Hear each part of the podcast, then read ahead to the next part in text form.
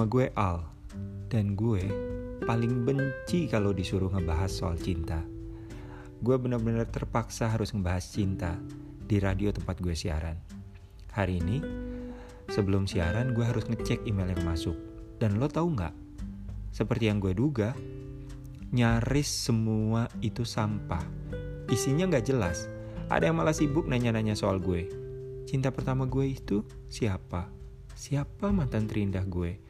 Terus hadiah yang paling berkesan dari mantan gue tuh apa? Ya elah, apa di dunia ini gak ada pertanyaan lain yang lebih penting? Lagian kan konsep acara radionya adalah pendengar ngirimin pengalaman cinta mereka by email dan gue yang akan bacain. Bukannya malah gue yang ditanya ini itu. Mungkin karena sebagian besar yang ngirim email itu adalah cewek. Yang menurut gue sih paling mengagung-agungkan yang namanya cinta. Karena cewek itu main perasaan. Setelah gue frustasi nyari email pendengar yang paling pantas gue bacain, nah akhirnya gue nemu satu email dari cowok yang pas baca opening emailnya aja, rasanya gue mau acak-acak studio. gue males banget baca kelanjutan emailnya. Tapi produser gue bilang, kalau email ini menarik buat gue bacain. Gue bisa apa? Secara posisi gue terancam kan? Terpaksalah gue bacain tuh email sambil berusaha untuk menempatkan diri gue ke posisi dia. Sesekali dalam hati gue ngedumel sih. Ya elah bro, kenapa hidup lo bucin banget sih? Ya udahlah ya, gue bacain nih email aja dari seorang cowok bernama Ray. Begini isi emailnya. Al, thanks udah bacain email gue. Terus terang, gue awalnya ragu sih buat ngirim email ini. Tapi gue tahu kalau mantan gue itu suka banget dengerin lo siaran. Jadinya, gue maksain diri buat nulis email ini. Sebagai kenangan terakhir gue buat dia. Naya, apa pernah sekali aja kamu ingat sama aku? Ingat apa yang pernah kita lewatin berdua? Aku tahu, kamu udah menghapus semua foto-fotoku di Instagram kamu.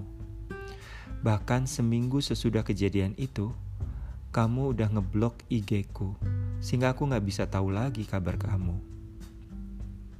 Nai, aku pernah coba bikin akun palsu buat stalking IG-mu. Tapi ternyata sekarang IG-mu pun udah di private dan kamu sama sekali gak membuka kesempatan pertemanan baru. Naya, aku seperti orang buta. Tiba-tiba ngerasa semuanya gelap. Ini adalah penderitaan terbesar dalam hidupku. Aku seperti tiba-tiba kehilangan nafas. Selama ini di hidupku cuma ada kamu, Naya. Gak ada yang lain. Selama ini kamu begitu mudah aku gapai. Aku telepon, aku temui, tapi sekarang semuanya tertutup. Tiba-tiba aku terdampar di pulau tanpa penghuni, sendiri, gak ada kamu. Bukannya aku gak berusaha untuk melupain kamu, Naya. Aku bahkan berusaha untuk membuka hatiku buat wanita lain. Tapi selalu aja akhirnya aku berpikir Gak ada seorang wanita pun yang lebih baik dari kamu. Akhirnya, hubunganku gak pernah bertahan lama. Setiap aku putus sama cewek-cewek itu, aku semakin ngerasa terpuruk. Penderitaanku bertambah parah. Saat aku berpikir, di saat aku terluka begini, mungkin kamu sedang berbahagia dengan orang lain. Aku selalu menghitung hari-hari kita tidak bersama lagi Hari itu adalah hari ke-77 sejak kita putus. Aku ingat, dulu kamu bilang, angka 7 adalah angka keberuntungan. Tapi hari ini, angka 7 itu menjadi angka paling buruk dalam hidupku. Di hari ke-77 sejak kita putus, aku diberitahu kalau kamu sedang sekarat. Gia, Adikmu yang telepon dan kasih tahu aku. Gia menelpon dengan tangis yang tidak bisa dia sembunyikan. Aku langsung buru-buru ke rumah sakit dan ngeliat sendiri kondisimu. Naya yang selalu tersenyum sedang terbaring di ranjang tidak sadarkan diri. Semua alat bantu medis yang menempel di tubuhmu seolah menghitung mundur, seolah isyarat untukmu melangkah pergi selamanya dari kehidupan. Aku hanya bisa memegangi tanganmu, Nay. Aku tak bisa berkata apa-apa. Gia, adikmu menceritakan semuanya. Semua hal yang seharusnya aku ketahui jauh sebelum kondisimu seperti ini. Sekarang, semua pertanyaan dan kebingunganku selama ini terjawab. Kenapa kamu dulu tiba-tiba minta putus? Kenapa kamu ngeblok IG ku? Kenapa kamu tidak memberi kesempatanku untuk bicara? Ternyata, Naya, aku tahu kematian harus dijalani seorang diri. Tapi gak seharusnya kamu pergi tanpa pamit sama sekali ke aku. Seseorang yang sangat mencintaimu. Al, akhirnya gue ngeliat Naya pergi untuk selamanya. Dan Gia, adiknya Naya, akhirnya ngasih lihat satu postingan terakhir IG Naya sebelum dia gak sadarkan diri. Itu foto gue sama dia Al.